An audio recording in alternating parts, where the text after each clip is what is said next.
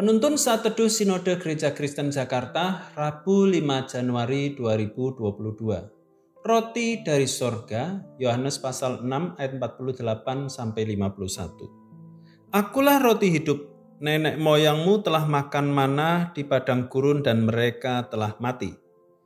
Inilah roti yang turun dari sorga, barang siapa makan daripadanya, ia tidak akan mati. Akulah roti hidup yang telah turun dari sorga. Jikalau seorang makan dari roti ini, ia akan hidup selama-lamanya, dan roti yang kuberikan itu ialah dagingku yang akan kuberikan untuk hidup dunia. Mana adalah roti yang diturunkan Allah dari langit untuk memenuhi kebutuhan hidup bangsa Israel dalam perjalanan menuju Kanaan? Mana adalah fenomena yang sulit dijelaskan dan ajaib? Makanan ini tidak dibuat oleh manusia dan bukan juga dibuat oleh Musa. Makanan ini adalah pemberian Tuhan. Makanan ini selalu ada setiap hari untuk mengisi kebutuhan hidup dari hari ke hari. Mana itu sudah berhenti diberikan bagi bangsa Israel ketika mereka sudah masuk tanah perjanjian. Sebuah karya Allah yang sangat indah dan memiliki rujukan yang sangat dalam akan maksud Tuhan dalam Yesus Kristus. Renungan hari ini merupakan peristiwa kelanjutan setelah Yesus memberi 5.000 orang makan. Dalam bagian ini, Tuhan Yesus membandingkan pemberian mana dari Tuhan dengan turun dari langit dengan dirinya sendiri. Yesus adalah Allah yang berinkarnasi menjadi manusia.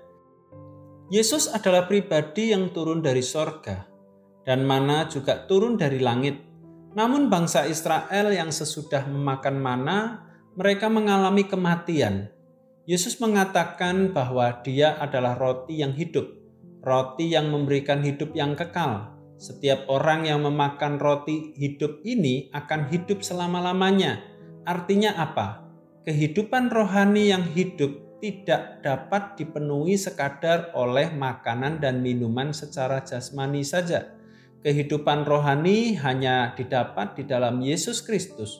Rohani manusia mati sewaktu Adam dan Hawa jatuh ke dalam dosa, dan rohani hidup kembali secara berkelimpahan setelah kita memiliki Yesus di dalam hidup kita dengan beriman kepadanya.